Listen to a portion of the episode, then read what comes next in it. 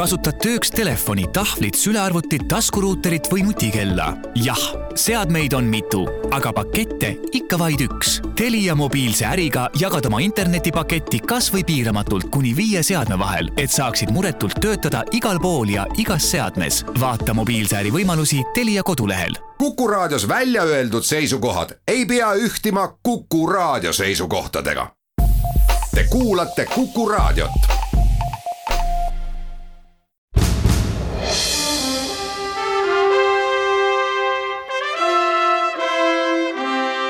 vahetund Postimehega.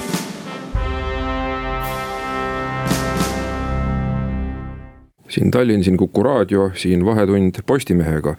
mina olen Postimehe peatoimetaja Mart Raudsaar ja täna räägime õige mitmel teemal, nagu ikka on välja kujunenud, räägime Eesti välispoliitikast, räägime majandusest. koroonast täna ei räägi küll aga räägime siis lõpus ka natuke loodusest, loomadest ja lilledest ja, ja lindudest. aga tõsisematel teemadel kõigepealt ja mul on hea meel tervitada siin stuudios Kuku raadios riigikogu väliskomisjoni esimeest Marko Mihkelsoni, tere. tere päevast ja räägime sellisel teemal, millest ju ka nüüd uus Postimees kirjutab leheküljel viis Eesti rubriigis, kuigi kirjutab seda välisuudiste toimetuse juht, sest teema on seotud välisteemadega, välispoliitikaga. nimelt riigikogus pidas meie uus välisminister Eva-Maria Liimets traditsioonilise välispoliitika aastakõne kus räägitakse siis Eesti välispoliitika põhisuundadest ja siin on ka mitmeid kommentaare olnud. ja need kommentaarid on olnud üldiselt vägagi heaks kiitvad. nüüd Marko, kindlasti eh, sina jälgisid seda kõnet vahetult riigikogus ja riigikogus ka järgnes debatt milline, millised olid küsimused, kuidas vastu võeti seda kõnet? jah, kõigepealt, et äh, ka raadiokuulajatel oleks teada, siis äh, veebruar on meil riigikogus välispoliitika kuu nii-öelda, sellepärast just sellel kuul tavapäraselt enne vabariigi aastapäeva iga aasta siis valitsus annab ülevaate välispoliitika Mm, äh, hetkeseisust, millised on olnud peamised tulemused ja millised on suundumused. ja sattus seekord nii, et äh, vahetult peale uue valitsuse ametisse astumist ja ka siis uue välisministri ametisse astumist. tuligi Eva-Maria Liimetsal kohe astuda riigikogu ette ja esitada äh, ka valitsuse nimel välispoliitika kõne, see tõepoolest minu arvates oli ka täiesti Äh, hea ja sisuline ja, ja nii nagu tavapäraselt ikkagi need äh, ka ettekanded on, puudutas väga mitmeid erinevaid tahke meie välispoliitikas. aga mis mulle samamoodi meeldis eilse päeva puhul riigikogus oli, oli üldse kogu selle mm, debati, äh, ka siis ministri kõnele järgnenud nii küsimused kui, kui arutelu ja sõnavõtud fraktsiooni esindajatelt äh, oli väga sisuline, et äh, see on täpselt see, mida meil, just välispoliitikas nii väga vaja on et äh, igasuguseid nii-öelda jänesehaake äh, välispoliitikas Eesti-sugune väikeriik lihtsalt ei saa endale lubada, ehk siis meil on hästi oluline selline järjekindlus. Äh, ma enda kõnes, väliskomisjoni nimel peetud kõnes siis ka tuletasin meelde, et esimene kord üldse seesugune debatt riigikogus peeti kakskümmend seitse aastat tagasi. ja, ja toona oli, oli siis valitsuse kõnelejaks välisminister äh, Jüri Luik, kes praegu on äh, meie hea kolleeg ka väliskomisjonis. ja, ja, ja ma tõesti noh, üllatusega mõnes mõttes küll teades, et see järjekindlus on meil alati olnud, aga kui lugeda nagu seda kõnet ja põhipostulaate. seda vana kõnet kakskümmend seitse aastat tagasi. kakskümmend seitse aastat tagasi, siis need põhiseisukohad, julgeolekut tuleb tagada. tuleb Eesti ettevõtjate eest maailmas seista, et äh, meie üldine heaolu oleks tagatud ja loomulikult ka kodanike huvide ja õiguste eest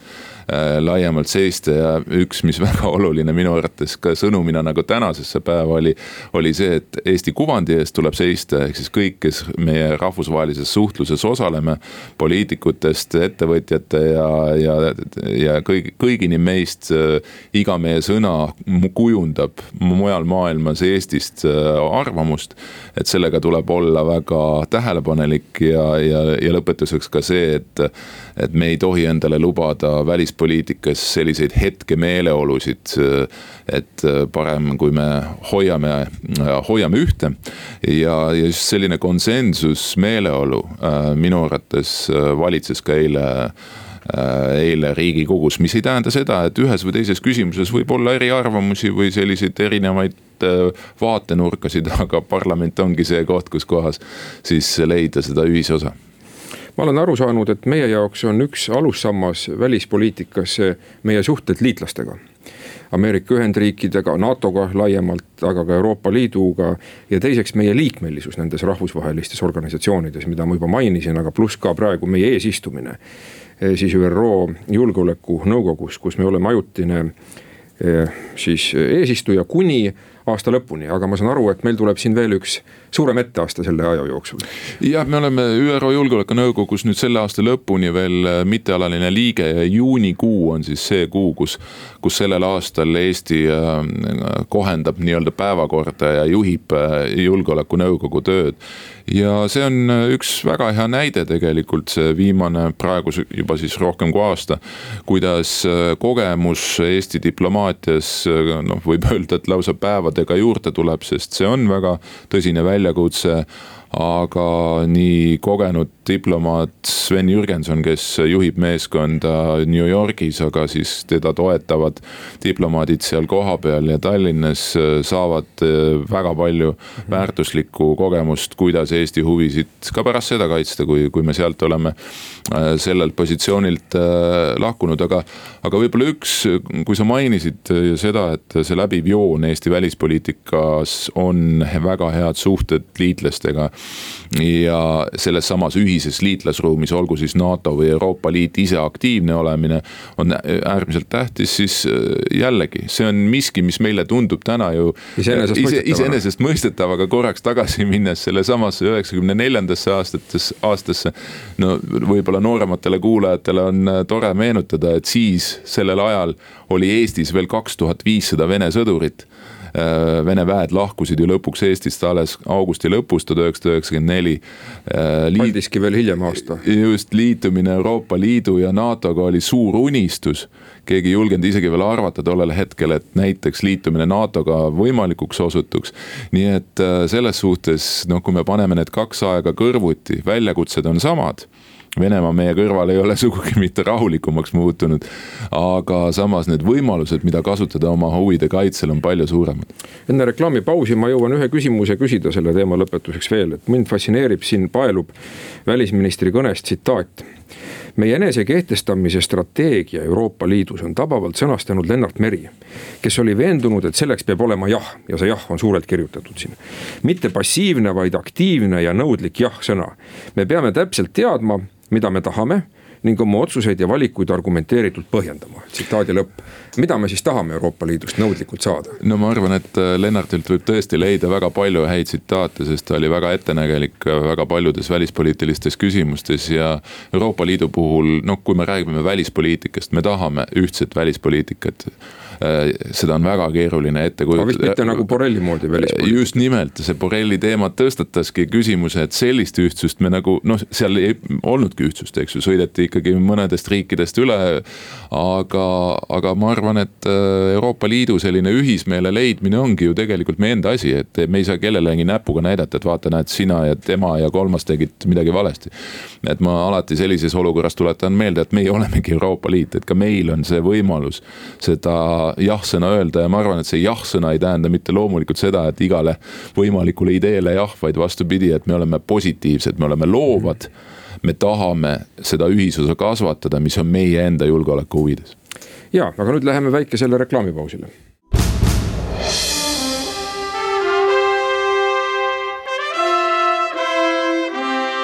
vahetund Postimehega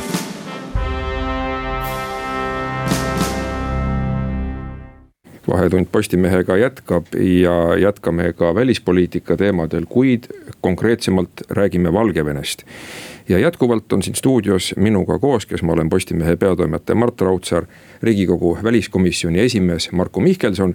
meiega on nüüd liitunud telefoni teel meie Postimehe ajakirjanik Karl-Hendrik Pallo, tere tervist. Sa kirjutasid täna lehes ilmunud loo pealkirjaga Lukašenka tõmbab vastaste ümber ringi karmimalt kokku.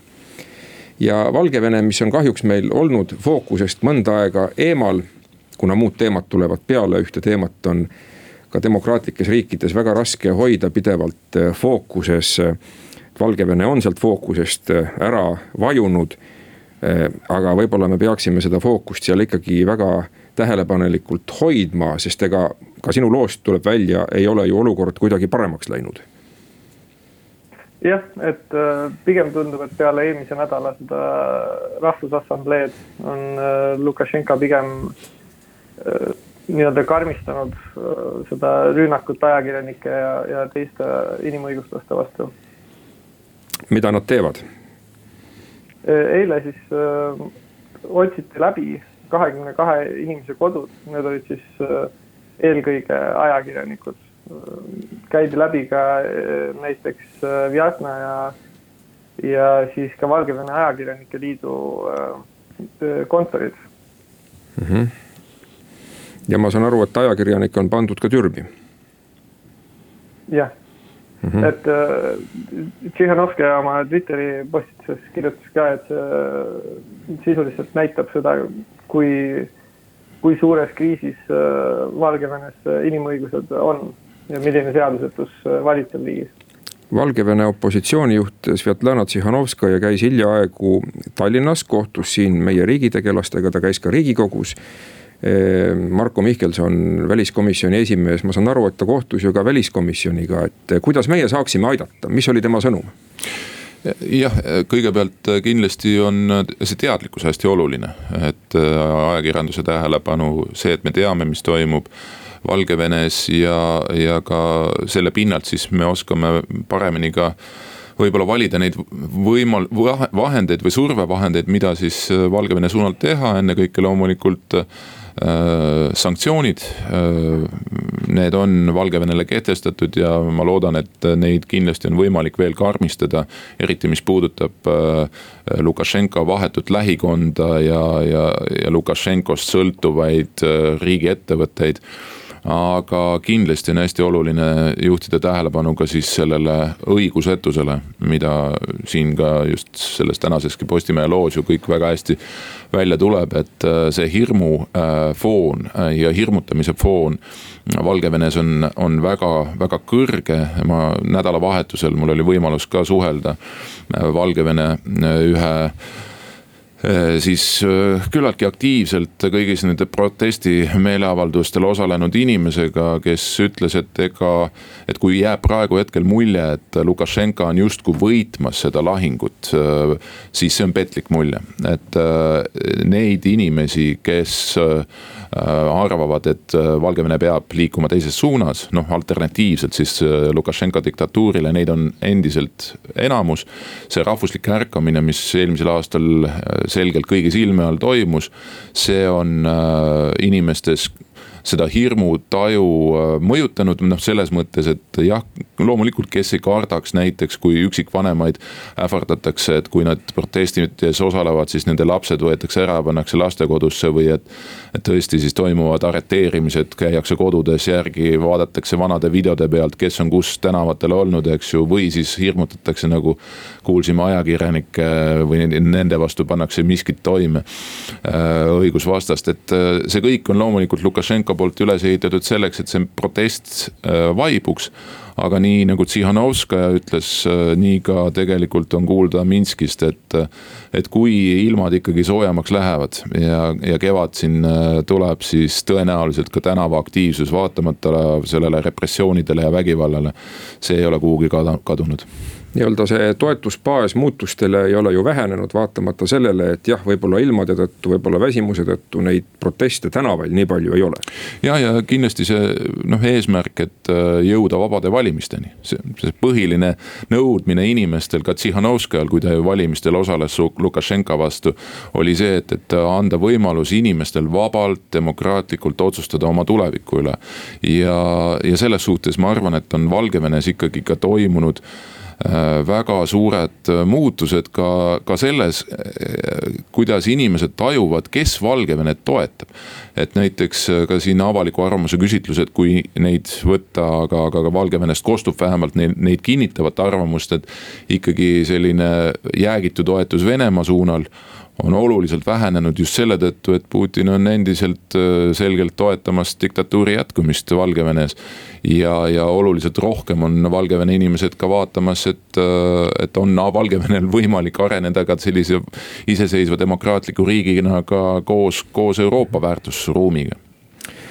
Karl-Hendrik Pallu, räägime korraks siis veel sellest loost, mis täna Postimehes ilmus, Lukašenka tõmbab vastaste ümber ringi karmimalt kokku, niisugune pealkiri tal oli mis hakkab juhtuma edasi, on see, et siis opositsioon plaanib kahekümne viiendal märtsil suurejooneliselt tähistada omaaegset Valgevene riigi iseseisvuse väljakuulutamist tuhande üheksasaja kaheksateistkümnendal aastal. me võib-olla enamik avalikkuses ei tea, aga nii Valgevene kui Ukraina olid iseseisvad riigid, küll mõned aastad ainult. kuni siis Nõukogude Liit või toonane Nõukogude Venemaa nad inkorporeeris. aga mida siis plaanitakse kahekümne viiendal märtsil, kui tuleb see suure, suurejooneline opositsiooni väljaastumine? jah, et ma alustaksin natuke kaugemalt, et äh, selle opositsiooni praeguse plaani kohaselt on neil hetkel toimumas selline ressursside kogumise aeg, et äh, jah, et võib-olla ka see väsimus ja, ja, ja ilmastikust äh, sõltuv. aga, aga ühesõnaga nad jah, praegu siis inimesi ja ja ka rahalisi ressursse koguvad, siis äh, märtsis nad näevad oma strateegia kohaselt ette, et äh, meeleavaldused kiiresti äh, suurenevad jälle, intensiivistuvad ja, ja tegelikult see lõpplahendit nad näevad juba, juba aprilli lõpus või mais, et et või noh, vähemalt see, mis nad välja kommunikeerivad, on, on see, et tegelikult Lukašenka lähedaste nii-öelda lojalistide seas valitseb piisavalt suur äh, hirm, et, et arvatakse, et, et mais võib-olla hiljemalt saab juba, saab juba laua taha ta mm. -hmm. nii et see seltskond, kes teda ümbritseb, ei ole enam kindel, et kaardid on tehtud õigele panusele. jah, ja eks märtsi, märtsis siis ongi, et see suur, suur meeleavaldus siis arvatakse või loodetakse, et, et sellest saab siis üks, üks nii-öelda kirstunael mm -hmm. praegusele režiimile enne pooltunni uudiseid on mul üks küsimus veel, Marko Mihkelson, riigikogu väliskomisjoni esimees, et me teame, et Leedus on tekkinud küllaltki arvestatav Valgevene opositsiooni diasporaa.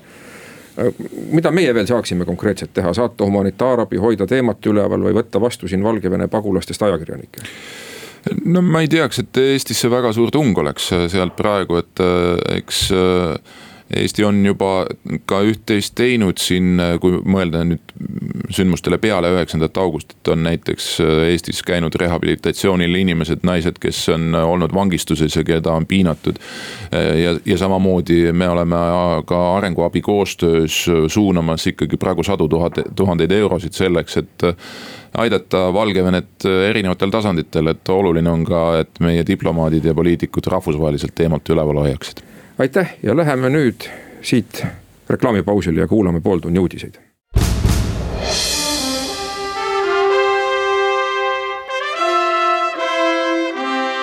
vahetund Postimehega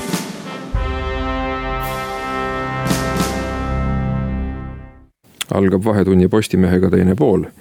mina olen Postimehe peatoimetaja Mart Raudsaar ja minuga nüüd siin stuudios on Liina Laks, majandustoimetuse ajakirjanik, tere tervist.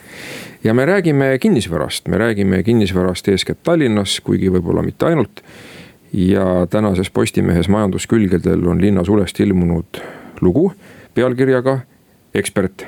Tallinnas on buumist vara rääkida ja taustaks siis ju võib-olla nii palju, et ühelt poolt aasta tagasi või natukene rohkem kui aasta tagasi, kui koroonakriis algas märtsis, ennustati, et nii nagu majanduskriis sageli toob kaasa kriisi ka kinnisvarasektoris, juhtub see ka nüüd.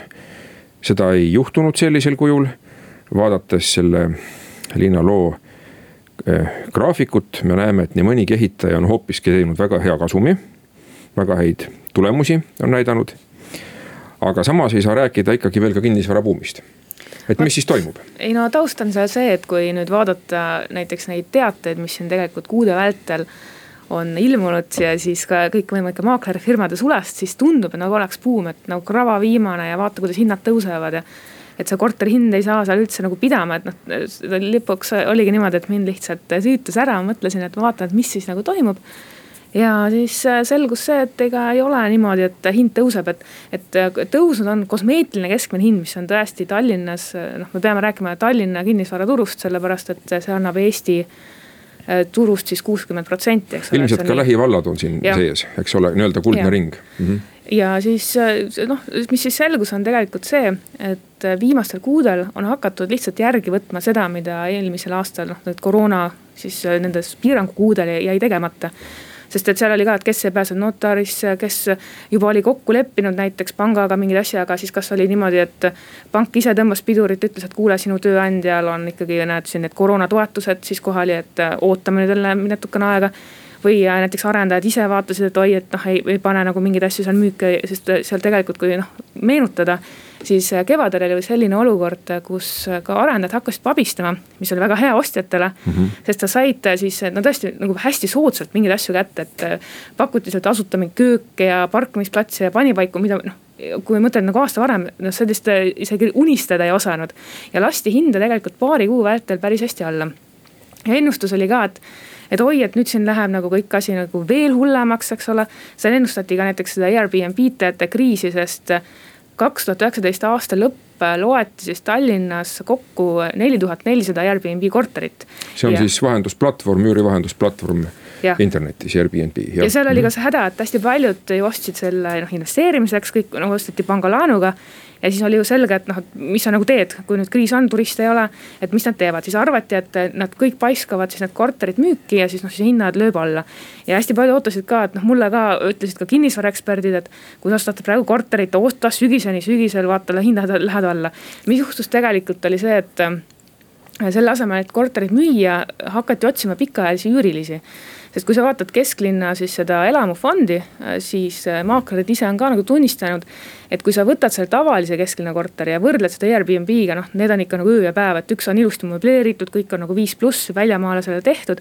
ja teine noh, on tead nagu selline. tuled sisse nagu, ja elad, eks ole. ja, ja ja teine variant on siis see, kus sa pead hakkama võib-olla isegi väikest remonti tegema. nojah, et kus sa ikkagi no ei noh, ei tea, kas või julged midagi üldse jalust jalast võtta, jalanõud, et.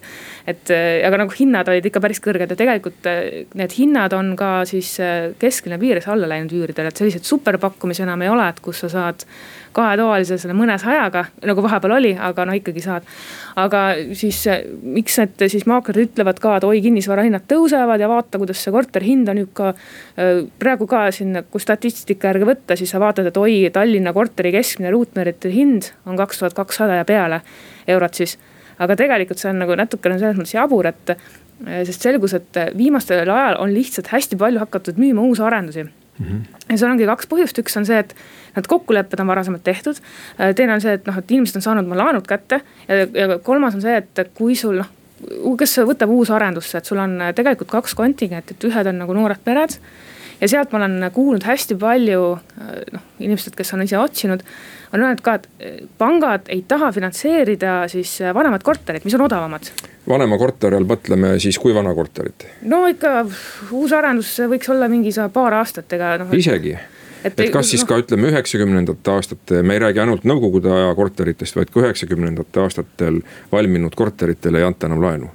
No ei laenu antakse, aga lihtsalt sul on ikka need tingimused on suhteliselt kirved. kehvad, kehvamad jah. ja et seal on äh, öeldud, äh, no seal on ikka mulle välja toodud, et sul on kohati nagu kolmekordne vahe, et kus sa mõtled, okei okay,, et kas ma siis äh, ma ei tea, maksan kolmekordset intressi või ma siis võtan selle kallima laenu, kus ma pean võtma suurema summa, et noh, sa oled nagu kahe, kahte moodi kahvlis mm. -hmm. ja siis noh, niimoodi ta põhimõtteliselt on tulnud ja kuna siis ongi, kõik inimesed vaatavad, et okei okay,, et sa, kui sul on valida, võtta siis see uus arendus, kus sul noh, hästi paljud võtavad näiteks ka KredExi siis seda noore pere kõik või selle noore spetsialisti siis seda toetust. et kes saavad seal nagu natukene niimoodi rahaliselt mängida, et siis võetaksegi omale siis selle uus arendus. sest et noh, sul on esiteks, sul on tegelikult, mis on väga hea, kui sa võtad uue arenduse, mis on nagu põhiargument on see, et sa ei pea mingit remonti hakkama seal tegema. aga teine on ka see, et sul on igasugused kommunaalid on väiksemad tõenäoliselt, et sul noh, see vahe kommunaalide vahel on ikka väga suur ja neid, teine on see, et neid uusarendusi ihkavad ka investorid et see on teine asi, mis, mida hästi paljud on ka rääkinud, et mm -hmm. koroona ajal, kus sa mõtled, et oi, inimesed noh, tead, raha ei ole ja ei tea, noh, kõik on toetuste peal ja töötukassad ja kõik, mis need jutud käivad. ja siis tõesti noh, sõna otseses mõttes praktiliselt mindi sinna rahapatakaga lööma, et kes on, kes siis need arendajad on öelnud ka, et mõni tuli kohe võttis, võttis kümme korterit jutti nagu noh. ja need on nagu investorid, kes siis otsivadki endale siis mingisugust head sellist üüritulu varianti üks valdkond, kus on küll olnud probleeme, ma saan aru, sellel aastal on siis äri kinnisvara üürimine. ja no seal on põhimõtteliselt nutt varuks, et kui vaadata näiteks äh, ka kohtulahendeid, siis äh, sa näed, et äh, kohtusse on ka ikka väga palju mindud, noh just, kes, kes on siis nagu üürinud mingit kaubanduspinda kaubanduskeskuses ja ütleb, et kuule, noh mees, ma ei saa maksta. ja tõenäoliselt neid vaidlusi sealt tuleb veel ja veel, et et kevadel oldi suhteliselt altid, vähemalt niimoodi väideti, et noh, mõlemalt poolt vastu tulema aga no siis noh, me teame, et kriis on siin vahepeal edasi läinud, et ja ega kaubanduskeskus noh, see elu ei ole nagu seal taastunud ikka nii et ja üks on see, et noh, mis on praegu toimub, aga teine on, mis nagu, kus me jõuame nagu kinnisvarasse, kinnisvarasse ehk siis ehitusse on ka niimoodi, et kõik need projektid, mis olid võib-olla juba nagu sellised planeeritud. Et need on pausile pandud, et kõikvõimalikud hotellid, kaubanduskeskused, mingisugused suured ärimajad, et kõik hetkel noh, ootavad ja vaatavad, et mis saab, et noh, ei ole mõtet tõesti ehitada sul sellisest meeletut lahmakat, kui pärast selgub, et no sul on tegelikult vaja noh kümnendik sellest näiteks. no ja, sest inimesed on läinud üle kodukontoris töötamisele väga palju ja võib oletada, et ilmselt päris samas mahus see kontoris töötamine vist ei taastugi, kuna tööandjad on saanud aru, et inimesed töötavad ka kodus väga hästi. aga, aga kindlasti mingisugune muutus toimub, kui see koroonakriis läbi saab. et noh, võib-olla ka siis ikkagi elavnemist me saame näha seal ärikinnisvara turul no kindlasti, ega see üldse noh, sada protsenti ära ei kao, et sul ikkagi hea meelega sa aeg-ajalt käid shoppamas, et kuigi see e-kaubandus tuleb väga jõuliselt peale. ja no kes on tegelikult tõenäoliselt harjunud interneti kaudu näiteks toitu tellima ja nagu toiduained ka koju, et noh, sellest on nagu väga raske loobuda, see on juba sõltuvus nagu. aga mingid lihtsamad asjad, et lähed seal kuskil sõpradega kaubamajja, noh see tõenäoliselt ikkagi jääb, aga need nii sellisel kujul, nagu ta seni on olnud, vast enam mitte. lõpetuseks, missugune on meil praegu suurem elamu kinnisvaraarendus Tallinnas, Kopli liinid vist on üks niisuguseid kusjuures no sa, kuidas võtta, et mis seal nagu on sest et äh, neid projekte on nagu mitmed, ma tean investorite poolelt äh, on niimoodi, et nad eelmisel aastal väga suured investorite grupid, kusjuures teatasid, et nad hakkavad ehitama noh, nii-öelda mägedes kuskil, ühe, üks oli Mustamäel kuskil, teine veel. näiteks Lumikapital LHV-ga seotud ütles ka, et nemad sisenevadki siin korteriarenduste, ehitavad sadu-sadu kortereid. Äh, siis minu arust ka siis Jaak Roosaare investoriga, temaga seotud grupeeringud, nemad ehitavad hästi palju kortereid, et tegelikult siin elu põhimõtteliselt käib ja tegelikult ega panus tehakse sellele, et sa pead ju kuskil elama, ega noh kui me räägime, et kaubanduskeskus, okei okay,, sa, sa võid käia, võid mitte, aga no katus peaks ikkagi Eesti kliimast pea kohal olema. Ja eriti vaadates välja, kus küll hetkeks lumesadu lõppes, aga vahepeal oli see ikkagi päris tihe ja ei ole päris selline suvine puu all külitamise ilm. aitäh, Liina Laks Postimehe majandustoimetusest eh, selle vestluse eest ja läheme väikesele reklaamipausile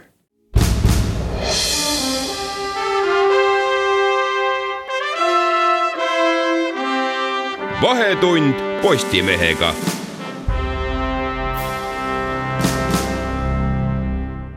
jätkame Vahetundi Postimehega, mina olen Postimehe peatoimetaja Mart Raudsaar ja nüüd on telefoni teel meiega liitunud meie hea Lõuna-Eesti, aga mitte ainult, Postimehe ajakirjanik Ülle Harju, tere.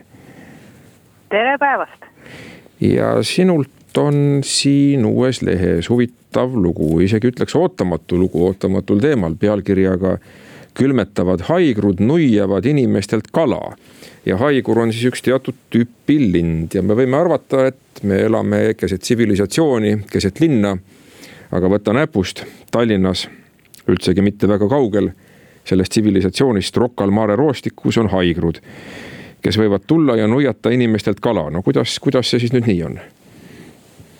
No põhjus on selles, et ilm on väga külm, lund on palju ja haigrud, kes on teinud ilma suhtes väikese valearvestuse, jätnud lõunamaale lendamata, mida nad peaksid tegema või ei ole viitsinud seda teha, on nüüd hädas.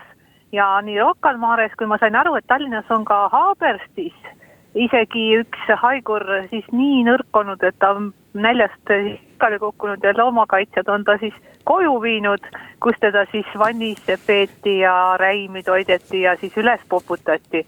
et eh, lisaks siis jah, luikedele ja toonekurgedele on ka siis eh, haigrud jäänud hätta seetõttu, et veekogud on kinni külmunud ja nad ei saa enam ise kala kätte ja mulle siin mitu inimest rääkisid selliseid huvitavaid lugusid, et kuidas nad siis neid haiglaid toidavad ja eriti põnev oli ühe loodusfotograafi lugu, kes siis, kellel on see spetsiaalne varitsuspunkt, kes siis, kus ta seal passib ja siis on pandud siis linnukestele erinevad siis palakesed, mis nad sööma tulevad ja siis tema katsetas ka kalaga ja kohe oli üks haigur platsis, kes siis väga haplalt kõik nahka pani siis, mis talle anti, head ja paremat. no see haigur on vist päris suur lind, et ta ei ole nüüd päris varblase mõõtu, vaid ta on ikka natuke suurem. no ta on sinna kure kanti. jah.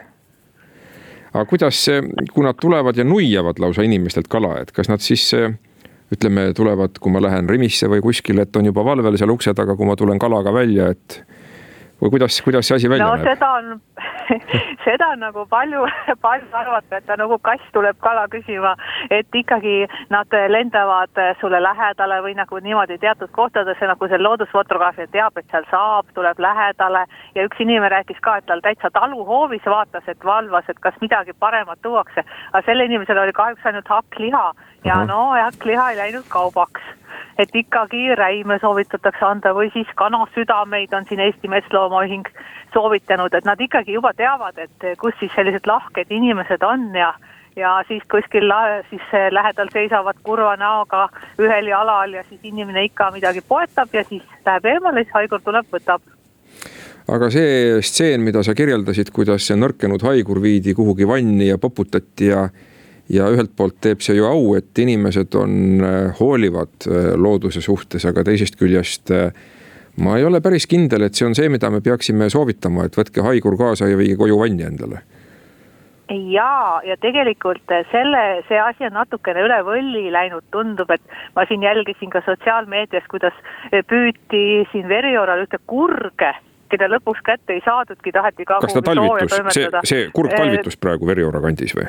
kur- jaa, kurg talvitus ja oli ka suhteliselt õnnetu olemisega, eks seal oli nälg majas ja siis pandi süüa ja arvati, et kõige targem on ta kuhugi sooja viia, aga kurg nii ei arvanud, et tema tahtis ainult süüa ja lendas ikka, ikka sinna, kus ta ise soovis.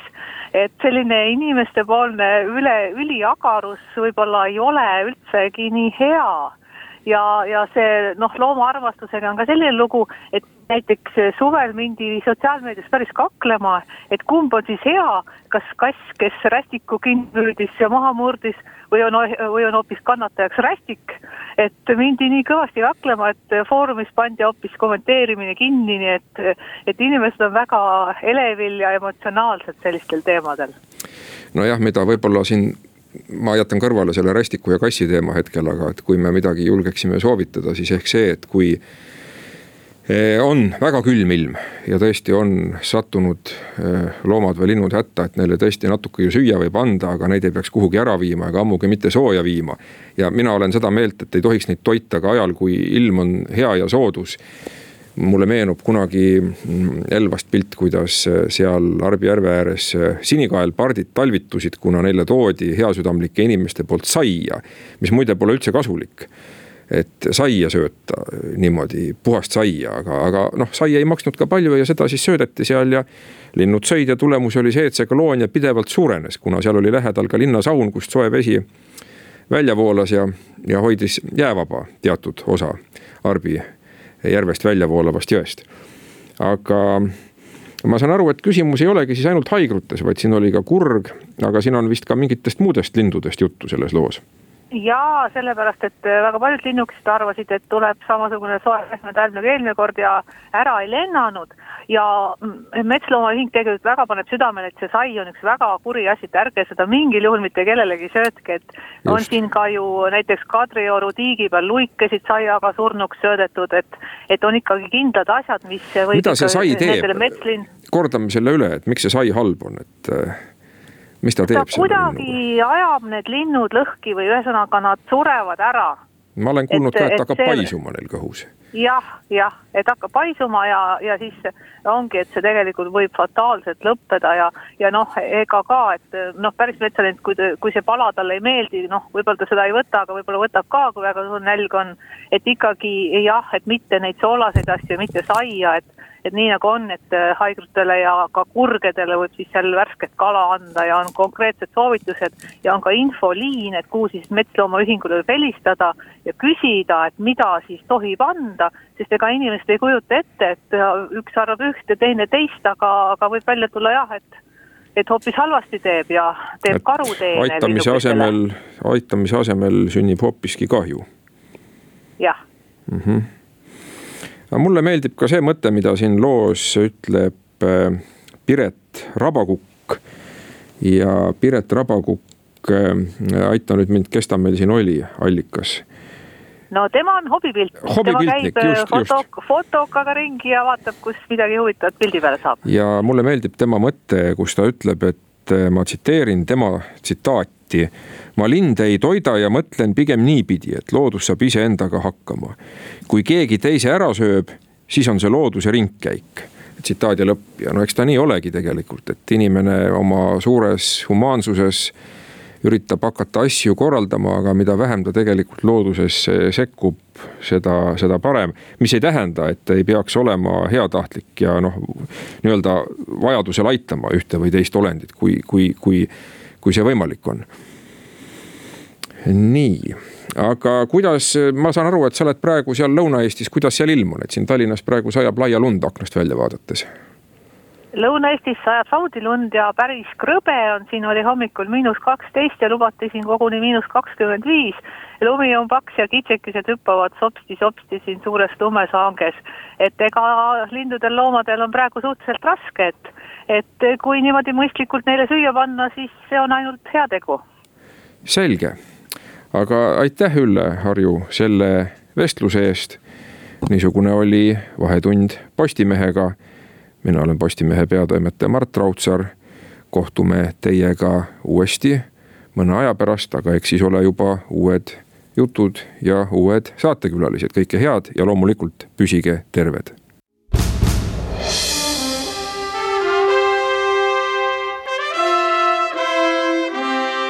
Vahetund Postimehega